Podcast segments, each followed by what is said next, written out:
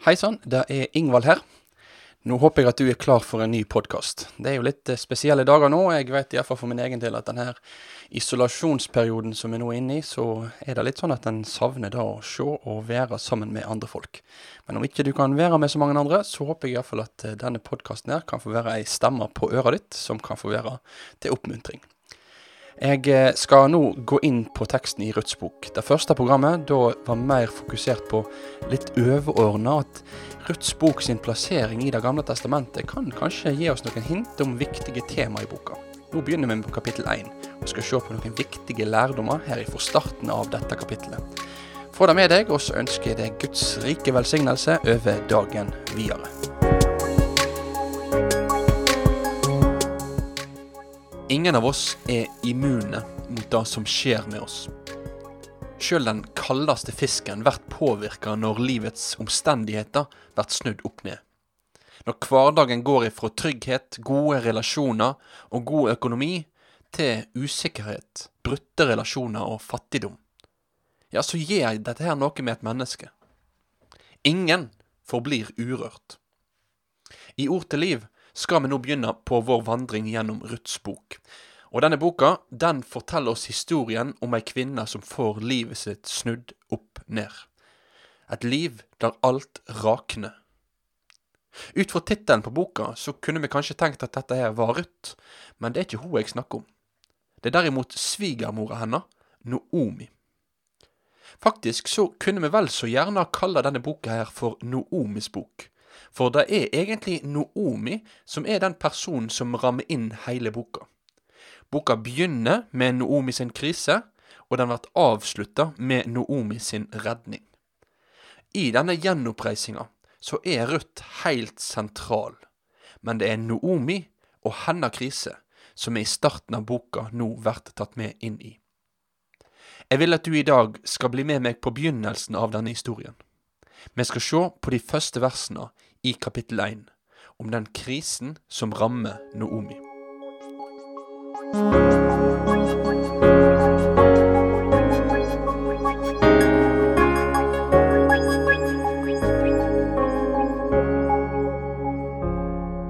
Vi leser sammen Ruths bok kapittel 1 og vers 1-6. I de dagene da dommerne styrte, var det en gang hungersnød i landet. Da for en mann fra Betlehem i Juda i veg med kona si og de to sønnene sine for å slå seg ned i slettelandet Moab.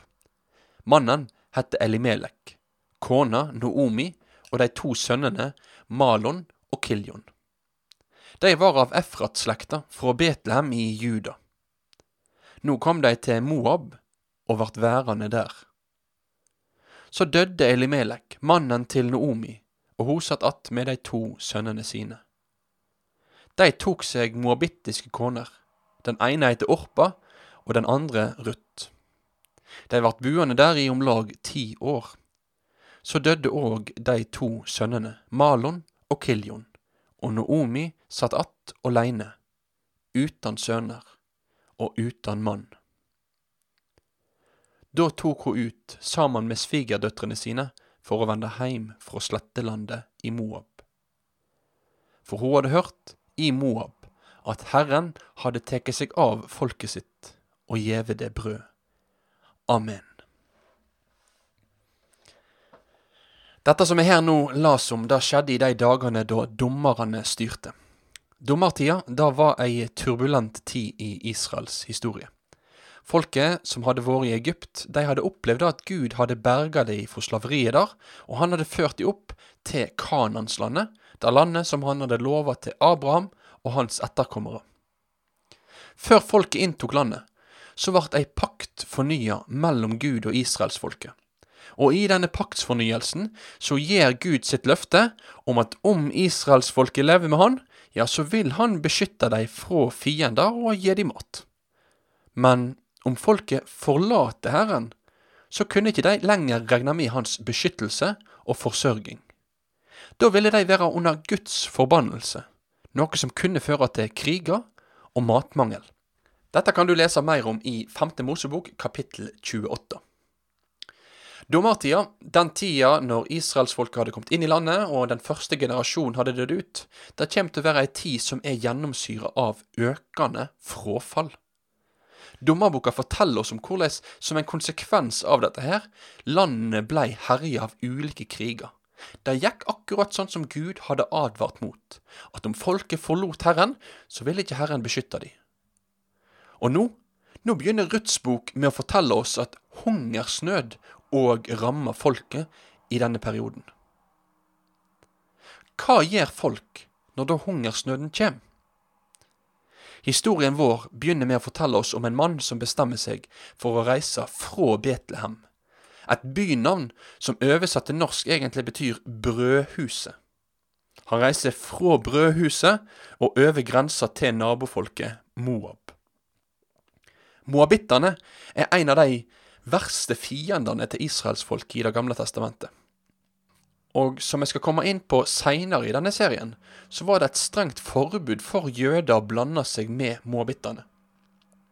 Moabittene anerkjente ikke Israels gud som den ene sanne gud, og de hadde vært ivrige motstandere for å hindre at israelsfolket skulle komme seg inn i Kanonslandet etter at de hadde blitt redda ut fra Egypt.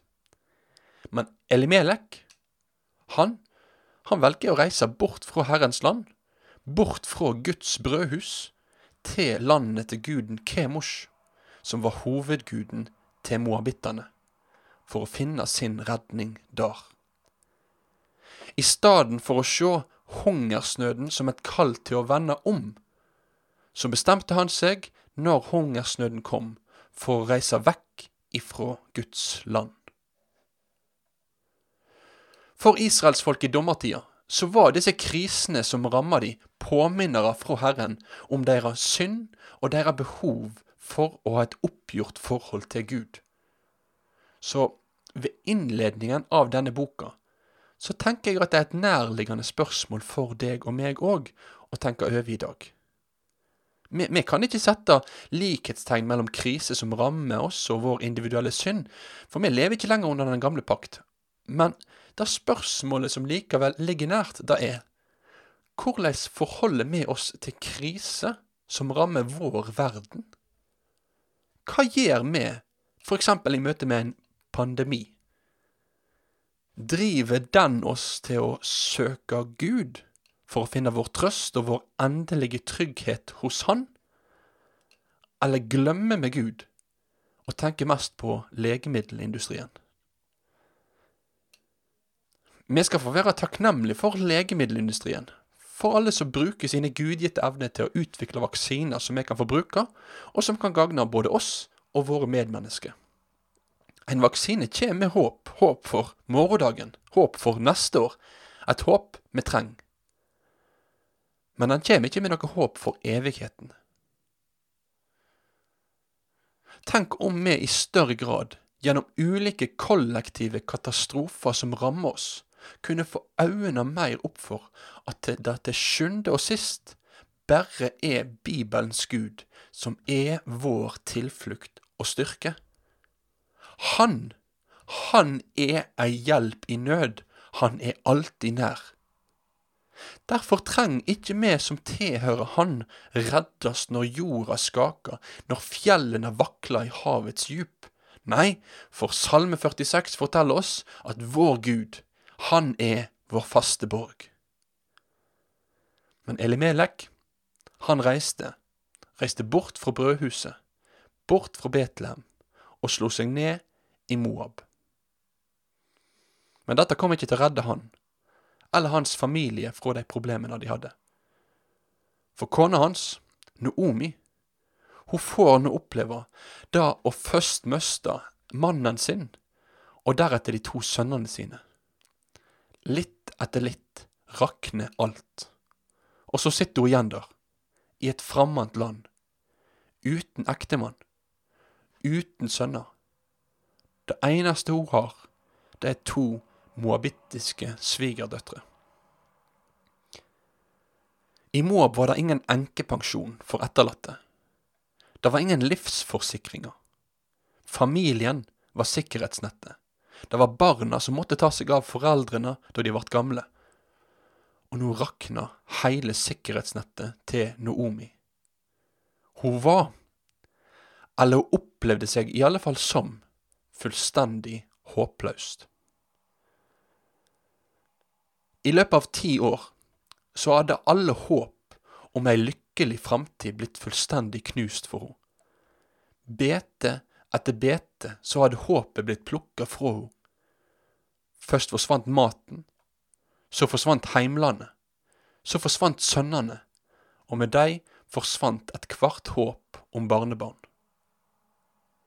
Hva hadde hun igjen å leve for?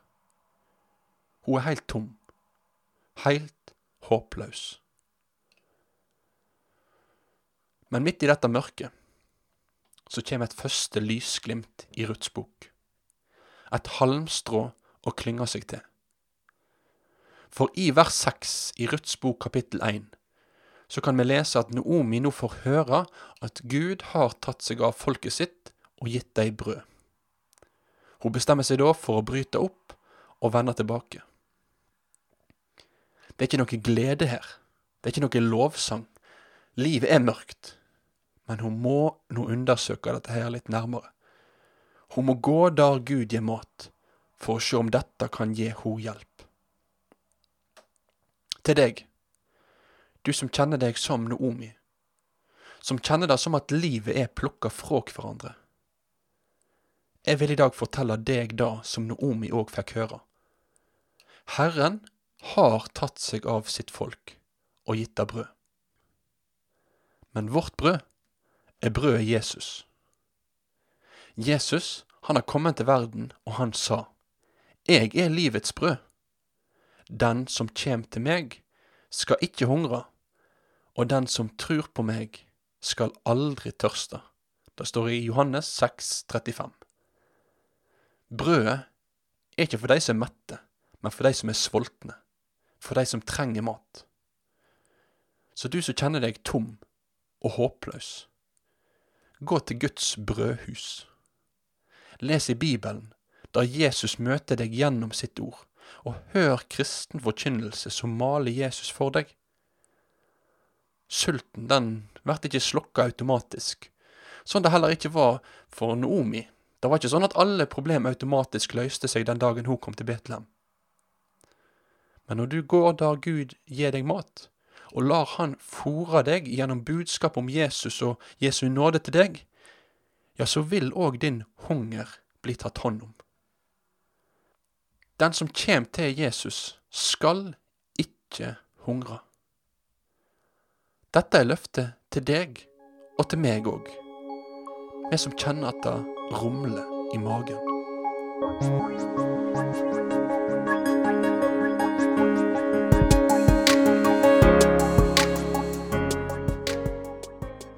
Da sier jeg takk for at du har fulgt dagens episode av Ord til liv. Følg med videre. Det kommer nye program hver tirsdag og fredag. Vi i P7 vil ønske deg en riktig god dag videre.